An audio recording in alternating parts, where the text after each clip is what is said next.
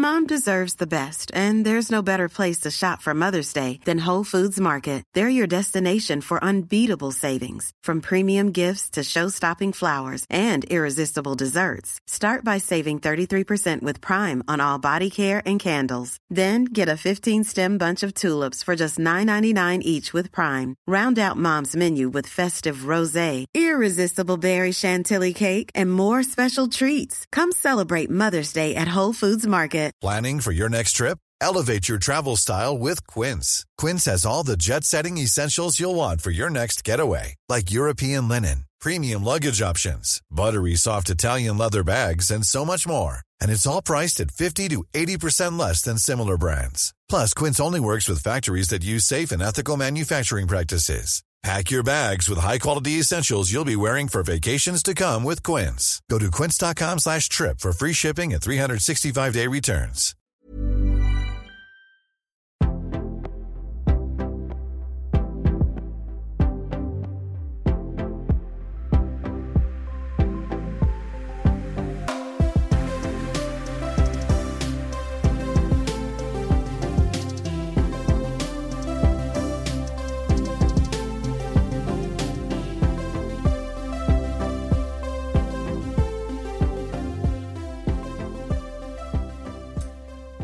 Hej Susanne Strandänger och välkommen till Jag är modig. Tack så mycket. Så kul att ha dig här. Det är härligt att vara här tycker jag också. Hur mår du? Jag mår jättebra. Mm, du ser strålande ut. Tack. Eh, du har ju gjort en spännande resa och är fortfarande på en spännande resa. Du har ju gått ifrån att jobba som affärsjurist eh, under ett antal år på lite olika ställen och sedan ungefär ett 20-tal år så är du konstnär numera. Ja, det stämmer. Men berätta, hur kommer det sig att du blev jurist? För det är ju ett ganska stort steg att gå från jurist till konstnär. Ja, egentligen var det väl så här att jag... eh, Efter gymnasiet så åkte jag utomlands två år. Jag var ett år i England och studerade engelska och statskunskap. Och sen fick jag ett stipendium och kom till USA. Och där studerade jag måleri och skulptur och creative writing. Sådana skapande ämnen och kreativa som jag var väldigt intresserad av sedan jag var liten. Eh, och sen visste jag väl inte riktigt vad jag skulle göra när jag kom hem. Men jag har en väldigt dominant mamma och hon hade redan skrivit in mig på juristlinjen när jag kom hem till Stockholm efter ett år i USA. Så plötsligt såg jag mig sittande i en liten lägenhet tittande på en brandvägg med den stora lagboken framför mig och lite suckande då undrade vad, jaha, ska jag hålla på med det här nu i fem år typ framåt? Men eh, alltså, i det läget så var jag kanske inte tillräckligt stark för att eh, bejaka eh, den här inre lusten att skapa som jag hade utvecklat då i USA. Utan eh, det dröjde. Men eh, du måste ju ändå ha känt att det fanns, eh, det kom någon liten glöd eftersom du ändå jobbade som jurist i flera år sedan i alla fall. Absolut. Alltså jag trivdes väldigt bra som jurist och det är ett väldigt kreativt arbete också även om man inte, kanske inte tror det om man jämför med konstnär. Men eh, det är många gånger du ska till exempel skriva ett avtal och du börjar från noll och du ska skapa någonting, konstruera någonting som ska vara en balanserad akt mellan två parter och det kräver mycket kreativitet och tankar. Spännande. Ja. Men du, vad var det sen som gjorde att du eh, valde att byta spår så att säga? Gå in på ett nytt spår och kanske bejaka mer det konstnärliga som du eh, kanske utövade lite mer eller åtminstone fick pröva på mer när du var i New York. Mm. Den utlösande faktorn till att jag började fundera och gå över till konsten på heltid var eh, min nära vän Carla som dog plötsligt eh, helt oförberett i ett medfött hjärtfel och lämnade man och tre små barn efter sig eh, varav den yngsta var fem veckor gammal. Den händelsen eh, präglade resten av mitt liv kan jag säga. Och då hade jag ju som jag sa redan studerat måleri och skulptur i USA, tecknat, målat sedan jag var liten, alltid haft den här ådran. Min pappa är, eh, nu är han avliden, men han var arkitekt. Min morfar målade, min farfar målade, så jag hade ju liksom det i familjen. Men det var den klart utlösande faktorn till att jag började tänka så här. Eh, att jag måste förändra min situation. För det, hon var 35 år, Karla, när hon dog. Och det kanske inte... mm, Många skjuter ju upp de här drömmarna tills man är pensionär eller ja, till senare. Men jag kände att det kanske inte finns något senare. Jag måste börja agera nu. Och då var jag i en familjesituation med småbarn. Att det inte var aktuellt att kunna hoppa av och börja jobba som konstnär fritt. Utan ja, fasta Du, inkomster. fortsatte, du fortsatte då ett Ja, antal år till, ja just Mm. efter den här Och sen tog jag det stora steget vid millenniumskiftet. Mm. Men man kan säga att det kanske var lättare då att eh, sluta jobba som jurist och gå över till konsten genom att jag redan hade jobbat som egenföretagare rätt många år då. Jag var bara anställd i sju år som jurist. Sen jobbade jag på konsultbasis åt olika organisationer. Så att eh, egenföretagare är också ett risktagande och en utmaning och, och ständig eh, mm, stress men också frihet under ansvar kan man säga. Jag tänker så här som du sa att eh, eh, ska jag fortsätta leva så här eller ska jag våga göra någonting annat och våga hoppa på någonting? För det är ju precis så det är att många funderar ju på att vilja göra en förändring men vågar inte ta det här klivet. För det är klart att det innebär ju också att man måste ju plocka bort någonting för att också vinna något. va? Exakt. Så det är ju ett mod att våga göra den här förändringen vare sig det är ja, privat eller att det har med jobb att göra. Och i ditt fall så blev det ju lite både och väl? Ja, verkligen. För att eh, jag gick över till konsten på heltid kan man säga vid millenniumskiftet. Det var en sån här bra gräns där. Att göra ett avstamp till en, en ny tillvaro. Och eh, ett antal år senare skilde jag mig också. Och eh, då bröt jag upp från eh, borgerligt liv i Brommavillan och eh, bestämde mig för att också flytta utomlands. Och flyttade då ner till först Tunisien och sen efter ett år till Marocko. Men jag tänker, när du stod här, eller när du bestämde dig då vid millenniumskiftet att nu är det det här med konstnär som jag vill ägna mig åt, eller måleri. Och eh, då vet jag att du började först på, med en ateljé på Drottninggatan. Var det vid millenniumskiftet då eller? Eh, det var nog lite senare. För jag var, senare, ja. ja, men strax efter millenniumskiftet Ja. var det. Och sen var jag själv där i en, jag tror ett par år och jobbade intensivt. Det var som att jag fick utlopp för allt uppdämt behov av skapande som jag hade låst in under många år med små barn och eh, juridiken och allting. Och det var en fantastisk period. Och jag hade, den ateljén var en del av en lägenhet som Bruno Liljefors hade bott i. Och jag är helt övertygad om att det rum eh, som var mitt ateljérum, ett stort perspektivfönster, var hans ateljé. Och det ligger också snett mittemot Strindbergshuset. Så det är en väldigt kreativ, kulturell miljö i Stockholm. Fantastiskt. Mycket energi. Ja, och sen tröttnade jag då på att, vara, att jobba ensam där. Och då sökte jag mig till en kollektiv ateljé vid Mariatorget som heter Siresia. Som var inriktad på Vedic art.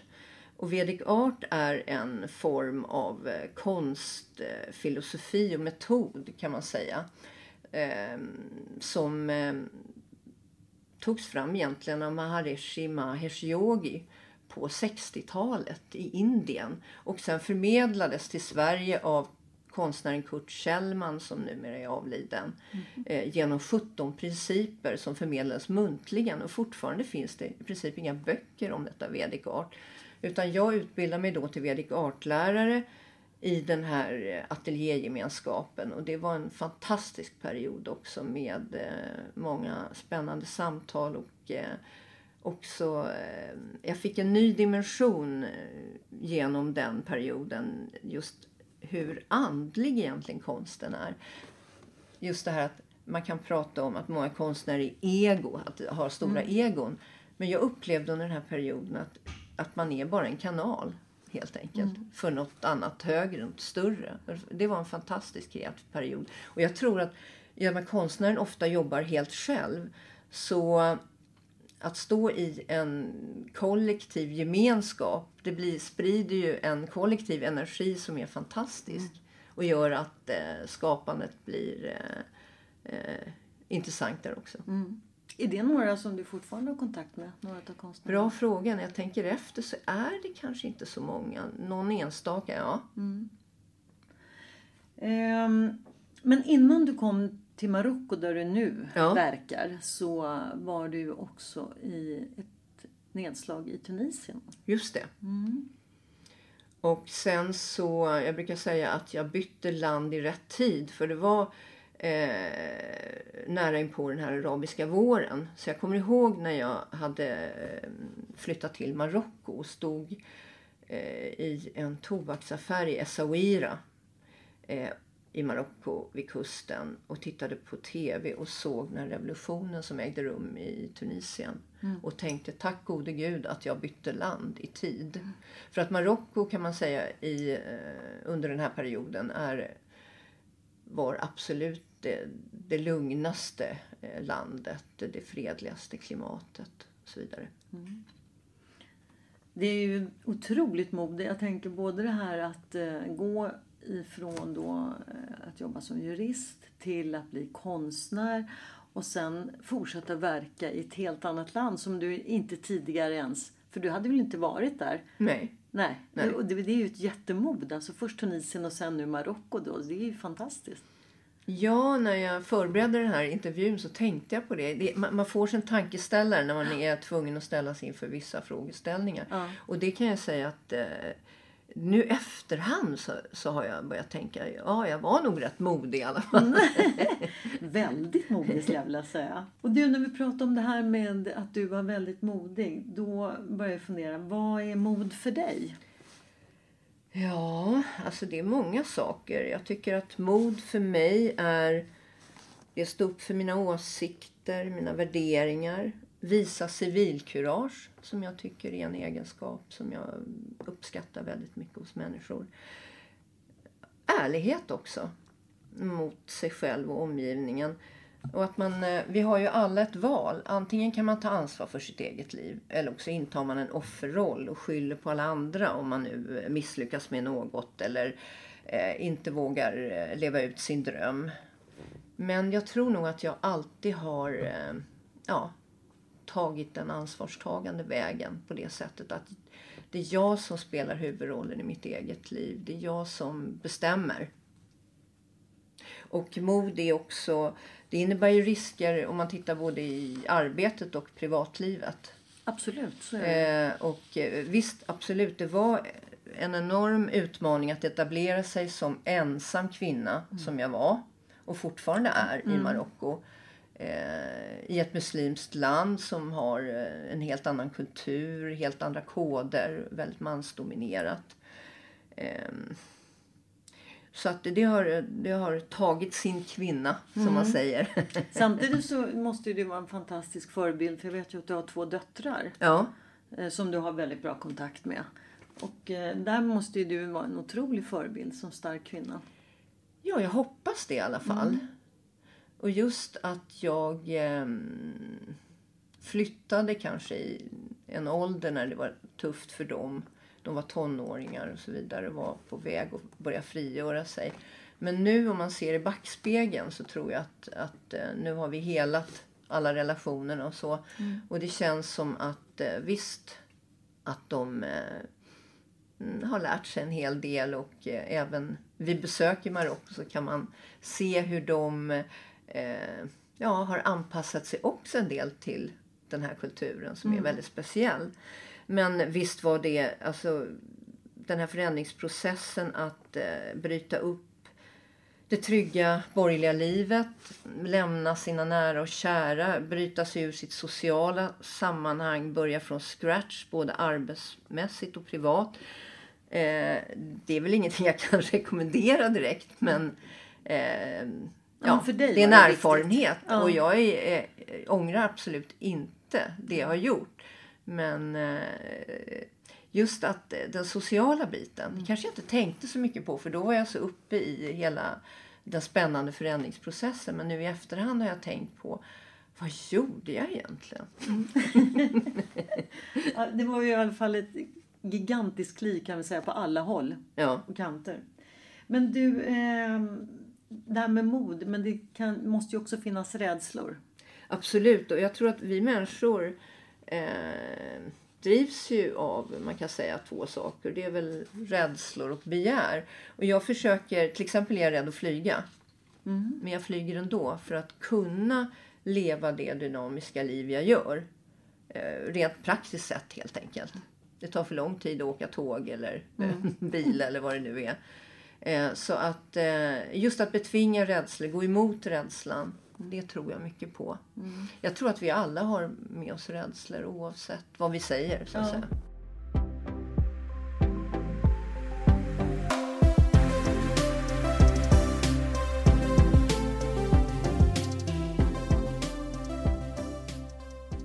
Kan du känna... Och nu tänker jag inte att du är rädd att gå på gatorna utan det är mera det här i, i, eh, i ett affärsbusiness-sammanhang. För det är en annan kultur. Eller att du har varit där så pass länge så att idag finns den inte. Men fanns det från början när du kom ner? Nej, Nej. egentligen inte. För att man har också som... eh, Där har man ju fördel som europé. Att man har en rätt stark ställning och status. Och sen kunde jag ju eh, tala om att ena mohamia som det heter på arabiska. Alltså jag är advokat också. Aha, För att liksom sätta ner foten lite. För att ibland så kan man ju bli betraktad som eh, just det, hobbykonstnär eller någonting om man säger det. exakt. Man dels är kvinna och säger att man målar. Så att, eh, och det speciellt nu när jag skulle mm, skaffa det här gallerikontraktet i Marrakesh. Då blev det väldigt tydligt när eh, ägaren till fastigheten sträckte fram ett, ett avtal på arabiska. Att, eh, då sa jag till honom bestämt att skulle du skriva på ett avtal på kinesiska, det tror jag aldrig. till exempel. Ja. Och där, men där har ju du också väldigt nytta av din eh, tidigare yrkesbana. Ja, Alltså att- absolut. Ja. Och därför brukar inte jag säga att jag hoppade av Nej. Mm. juridiken utan jag gick vidare. Detta man bygger på. eh, Eller hur? Med livet om man är lite äldre också. Att man har man bygger på som byggstenar i en, ja, en process. Mm. Du, eh, om man kommer vidare lite grann på det här med karriär då. Hur tycker du att du har eh, utvecklat ditt mod eller vad man säger, som yrkeskvinna? Jag tycker att jag har blivit klart starkare och eh, känner mer tillit genom att jag har vågat ta så stora kliv och vågat utsätta mig för så mycket. Och jag tycker att jag är, min styrka är väl att och också att jag är ständigt öppen och nyfiken på nya utmaningar, äventyr. För där tänker jag nu har du ju ett nytt projekt på gång i Marrakesh. Kan Ja, just om det. Ja, jag håller ju på att eh, Eh, jag kommer att öppna ett eh, kombinerat, kan man säga galleri och mötesplats som ska vara som en, ja, en slags mötesplats mellan olika kulturer. Eh, och jag hoppas att jag kommer att hinna öppna det här under 2019. Det är jättespännande och det är inte riktigt klart vad det kommer att eh, innebära men jag ser många intressanta aktiviteter där. För att som konstnär också är man ju en en fredsarbetare. Bara det att jag vågar vara i det här annorlunda landet och att jag skapar möten mellan till exempel Sverige och Marocko eh, genom olika samarbetsformer, både med organisationer och privatpersoner. Eh, mitt mål är också att få en, eh, en vän, en konstnärsvän till mig. Han ska bygga en eh, skulptur av betong och mosaik som ska stå utanför galleriet och det ska ju symbolisera ja, också Sverige och Marocko. det? Spännande. Ja. Ja, du har ett stort mod. Ehm, jag antar att ändå under den här perioden så har du naturligtvis stött på en del hinder under kanske karriären. Ehm, vad har du lärt dig av det? För ofta så är det ju någonting man tar med sig och vidare. Ja, det har du helt rätt i. Absolut. Jag har mött mycket motgångar och eh, att vara konstnär i sig innebär ju ett risktagande både konstnärligt och ekonomiskt. Och ibland undrar man vad är det jag håller på med. Men eh, jag tror att det var konstnären Jan Hofström som fick frågan i någon intervju. Vem är den riktiga konstnären? Eh, vem är, eller vad är en riktig konstnär? Eh, då svarade han det är den som fortsätter. Och det tyckte jag är underbart bra. Mm. För att ibland undrar man ju verkligen. Det är ju, jag menar, man arbetar otroligt intensivt och mycket. Det den här myten om att man ligger på en divan och äter praliner och dricker vin. Eh, liksom. Nej, den den. Den är nog lite, ja. För du fortsätter, överdriven. Ja, för du har din ateljé och där du bor, det är Agadir. Ja, precis. Ja. Det är min utgångspunkt idag. Mm. Men jag kommer att eh, flytta över långsamt till mm. Eh, Marrakesh tror jag. Mm. Spännande. Mm. Jo, om du pratar om motgångar också. Att jag brukar säga allt som inte dödar stärker. Och då tycker jag att eh, jag vill nämna det också att jag har ju varit sjuk. Mm, precis. Och eh, jag fick cancer då för, när är det nu? Eh, tre och ett halvt år sedan. Mm. Och det har ju också påverkat eh, min livsresa de senaste åren.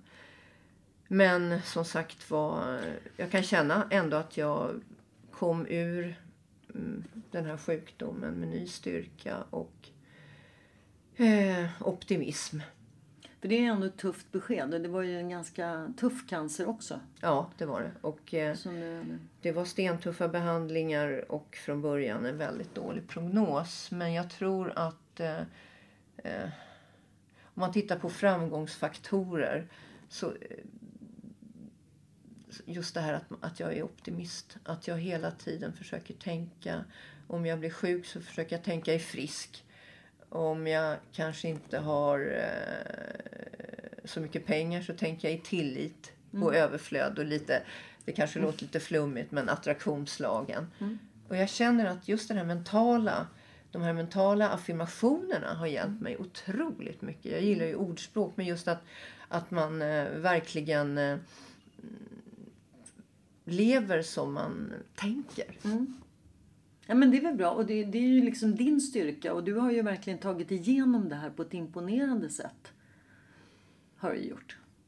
Ja, jag är så otroligt eh, tacksam idag att jag lever överhuvudtaget mm. kan jag säga. Och man får naturligtvis kan jag tänka mig också helt andra alltså, värderingar också. Vad är det som är viktigt i livet efter att ha gått igenom Exakt, och jag kan ju säga det att eh, jag tänkte på det när jag var ja, på sjukhuset och så vidare och såg så många väldigt sjuka människor. Så tänkte jag att jag i alla fall eh,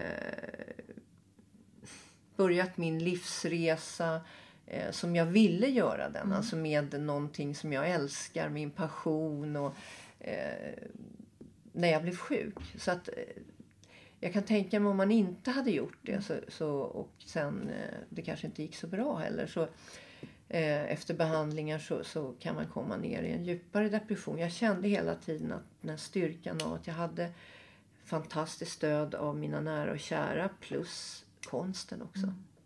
Du, eh, jag tänkte så här, nu har vi pratat om hinder och modig och så vidare. Eh, vad innebär att vara framgångsrik för dig då?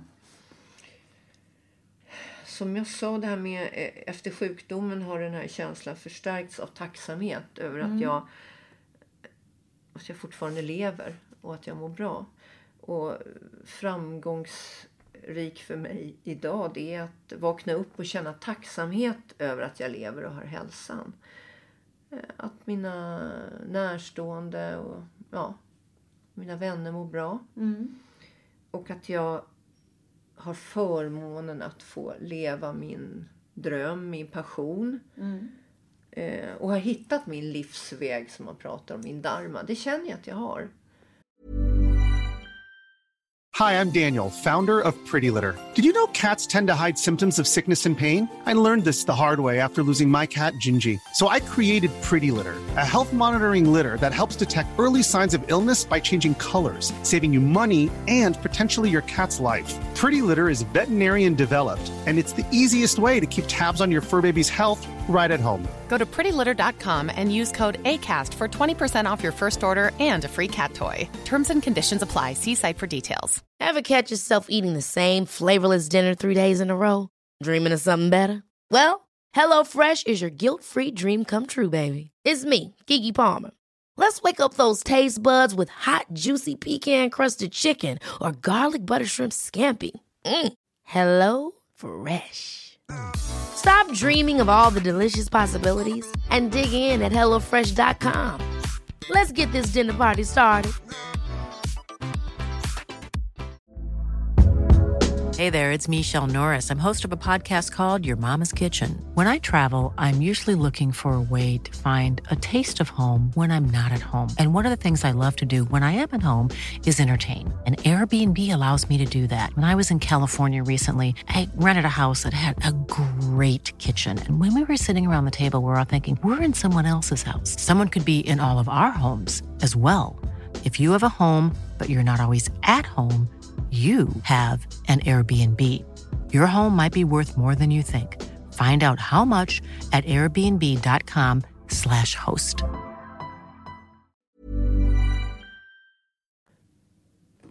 Och vad är dina nycklar till framgång då? Det är nog att fortsätta på den eh, passionerade livsresa jag är med, med det här positiva tänkandet som vi pratade om.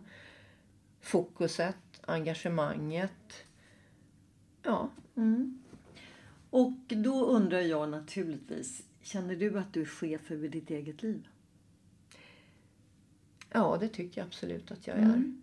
Härligt. Ja, att jag eh, nog spelar huvudrollen i mitt eget liv och att jag nog är en rätt bra regissör också. Ja. Underbart. Du, ehm, om man tittar på dig lite grann så här då med ditt självförtroende då. Mm.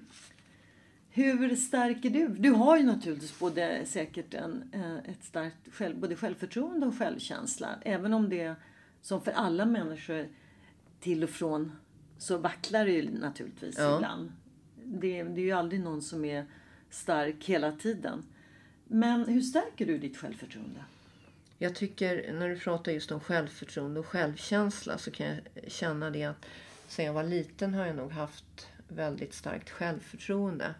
För det att alltså jag gör det, jag skapar eh, mina förmågor på det planet. Medan självkänslan den har vacklat mycket mer. Beroende på olika faktorer i familjesammanhang eh, och så vidare.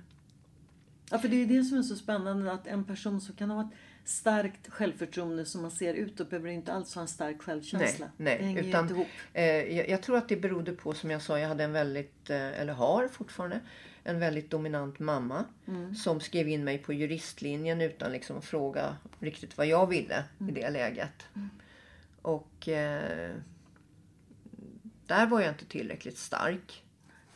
Eh, att eh, stå på mig och tala om att jag ville hålla på med konst istället till exempel. Var hämtar du din, ditt inre lugn och när, får du, när har du energi? Ja, alltså det inre lugnet. Då tänker jag på en period i slutet av 80-talet när jag eh, fortfarande arbetade som jurist. Och att jag brände ut mig redan då. Och var sjukskriven en period. Eh, Och då sökte- talade man ju inte så mycket om det heller, den här Nej. utbrändheten. Mm. Det fanns någon bok som heter Bränn inte ut dig, kommer jag ihåg. Ja. Mm, som jag köpte då. Men det var inte så Nej, vanligt. Det här var pratade inte 87. Och då vad heter det, så åkte jag iväg till ett eh, meditationscenter i Norberg. Mhm. Och eh, så började jag meditera med transcendental meditation och, och sån här ayurveda. Det var inte heller så vanligt på den tiden. Och gjorde olika behandlingar.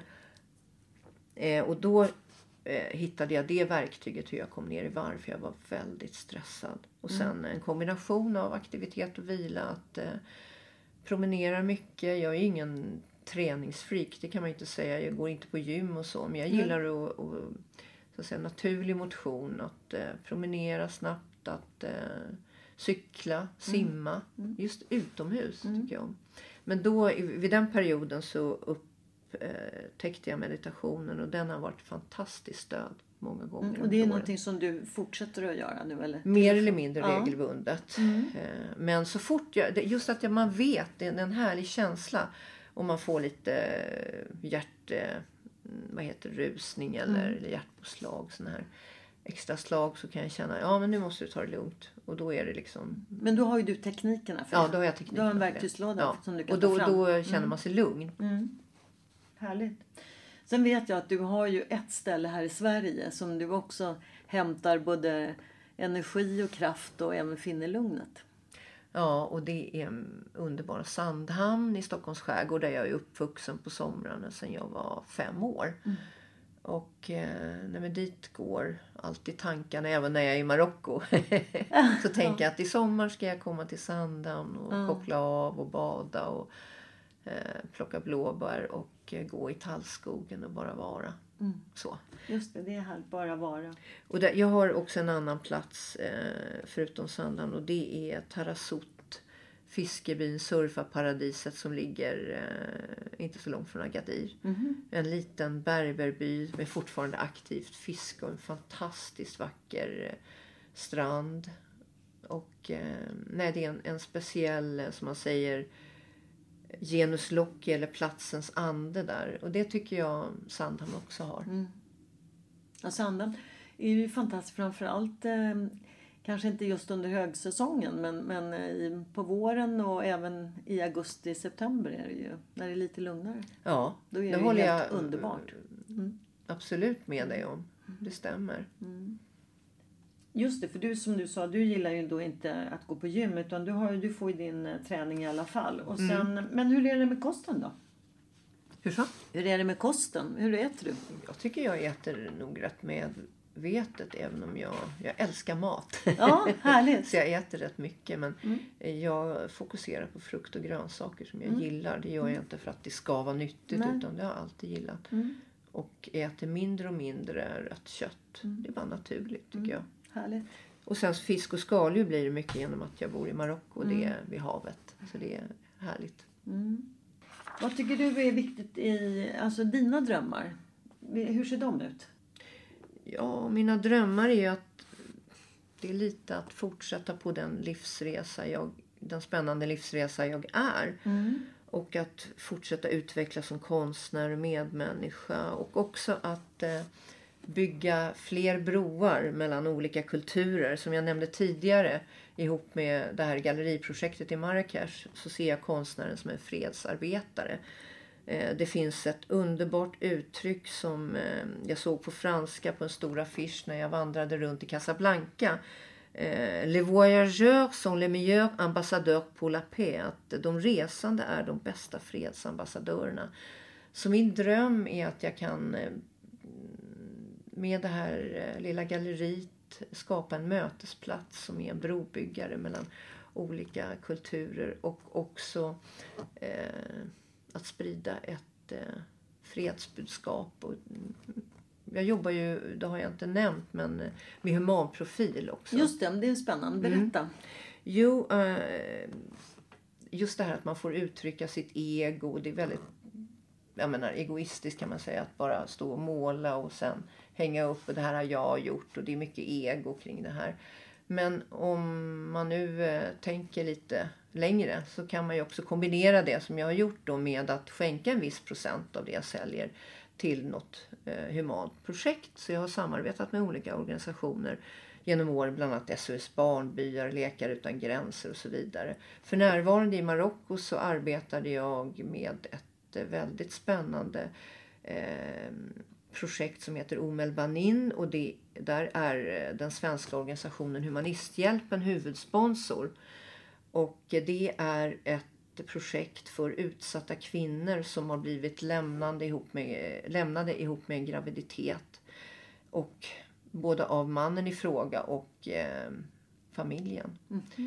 Eh, och det. Är det vara, unga flickor eller är det oberoende av ålder så att säga? Ja, de flesta är väl rätt unga. Jag har träffat ett antal. Faktiskt första gången var jag på besök där med svenska ambassadören i Marocko.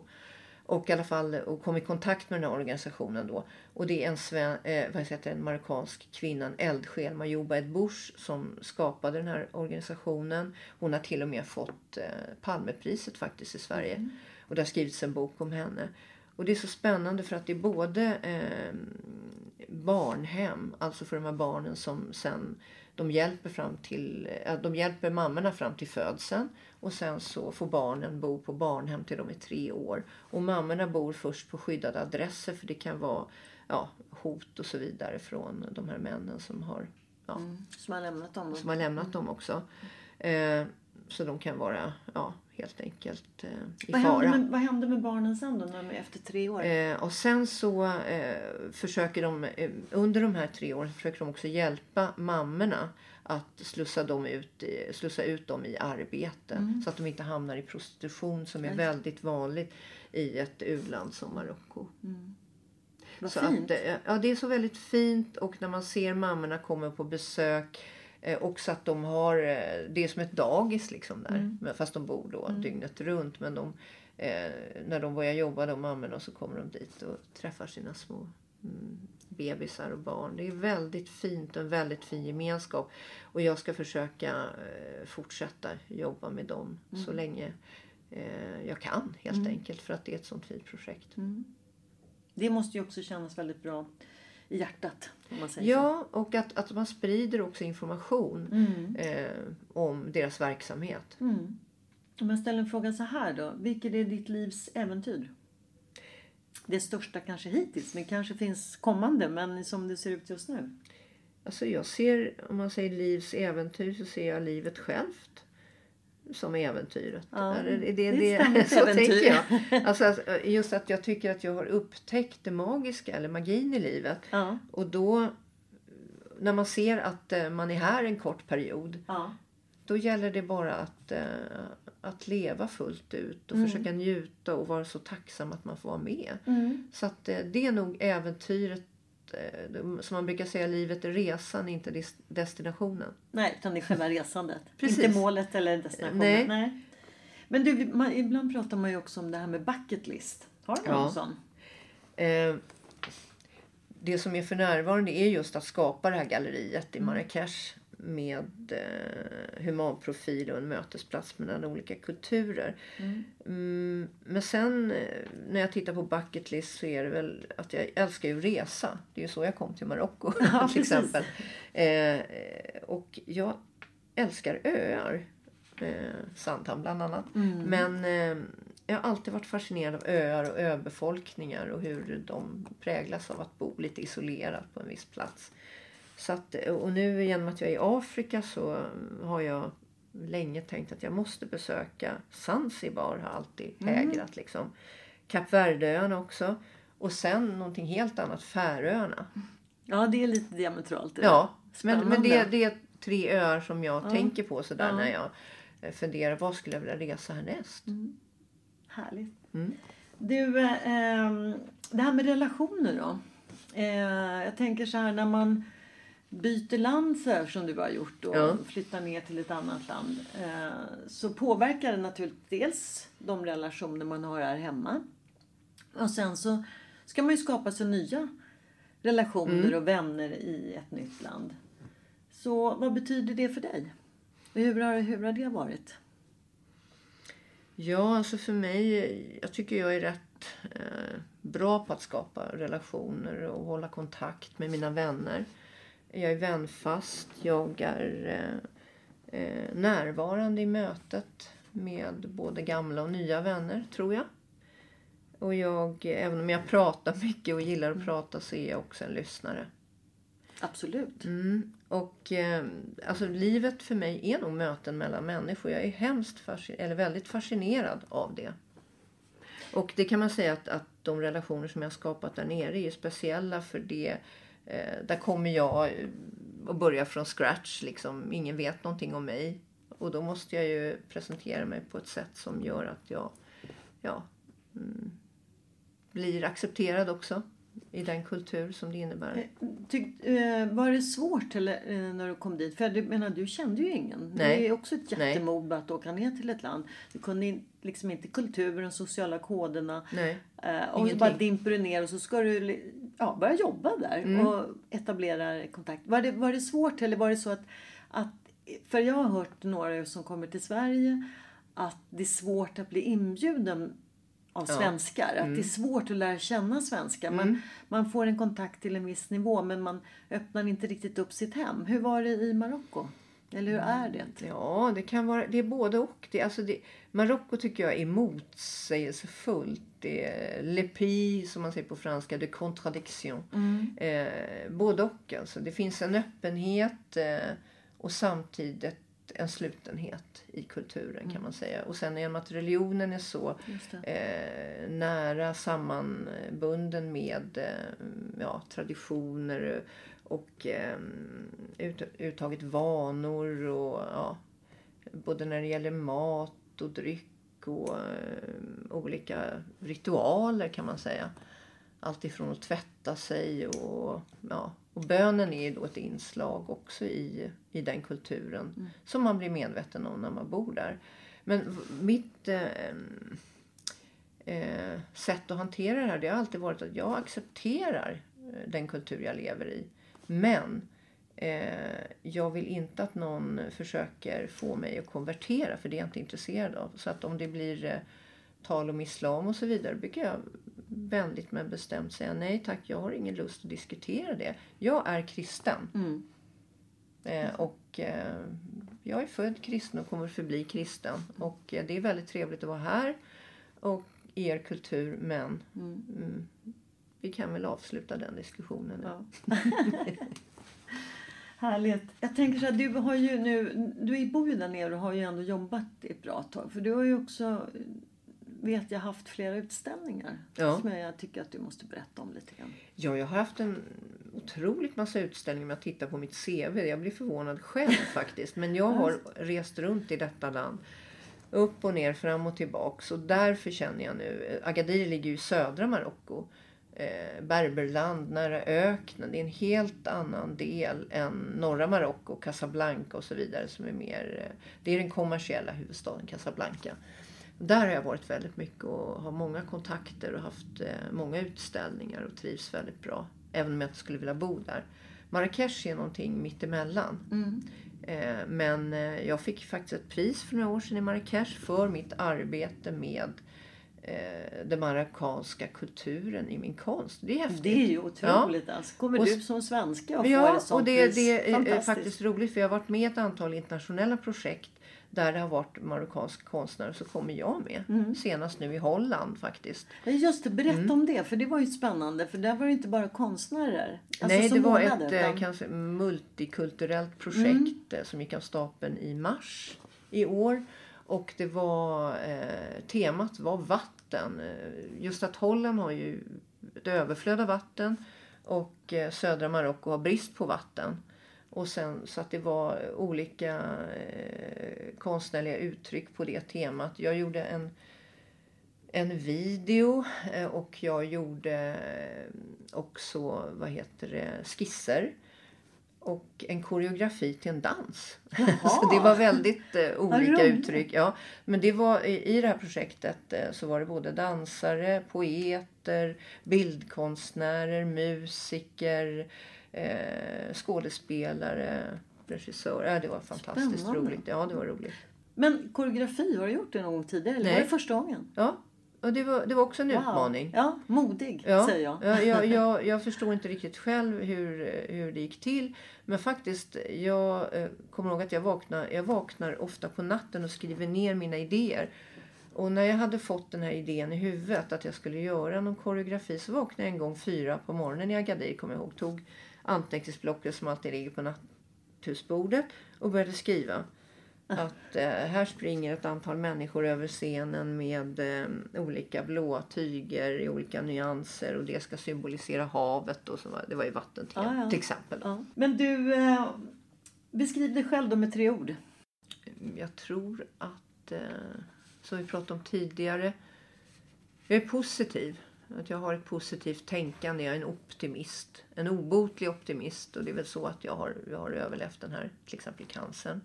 Och det är så jag har överlevt många motgångar och utmaningar. Både här och i Marocko. Och sen att jag nog är kärleksfull. Jag tänker mycket på mina nära och kära. Och de är väldigt viktiga för mig. Och det tredje är nog att jag är nog rätt modig i alla fall som har genomfört alla de här förändringarna. Jag Mm. älskar att inte veta vad som ska hända. Nej. Typ, typ om fem år. Det är för mig, när, när allting är förutsägbart då blir det tråkigt. Och jag, eh, som sagt var, älskar eh, min livsresa på det sättet att det händer saker. Och man är öppen och ser möjligheter. Och det tror jag att jag gör. Det var så roligt att du kom hit och jag vet att du ska snart åka tillbaka till ditt andra hemland. Marocko. Ja, jag åker nu redan den 17 september. Ja, vad härligt. Det ska bli jättehärligt. Mm. Och då ska jag möta min dotter som är där på konferens just i Aha. Marrakesh. Vad trevligt. Ja.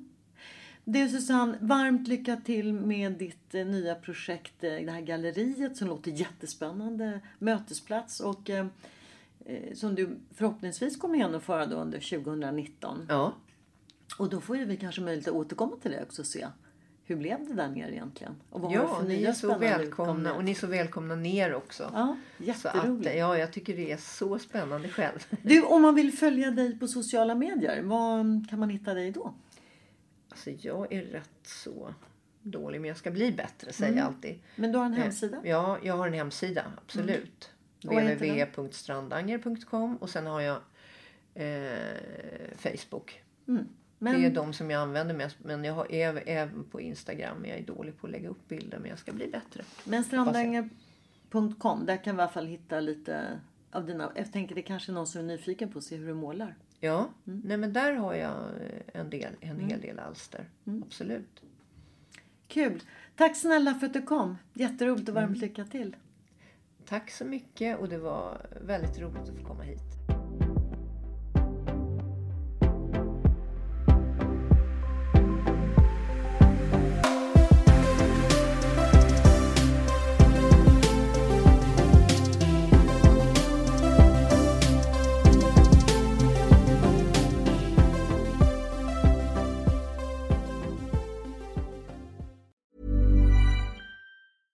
Catch yourself eating the same flavorless dinner three days in a row? Dreaming of something better? Well, HelloFresh is your guilt-free dream come true, baby. It's me, Gigi Palmer. Let's wake up those taste buds with hot, juicy pecan-crusted chicken or garlic butter shrimp scampi. Mm. Hello Fresh. Stop dreaming of all the delicious possibilities and dig in at HelloFresh.com. Let's get this dinner party started. Planning for your next trip?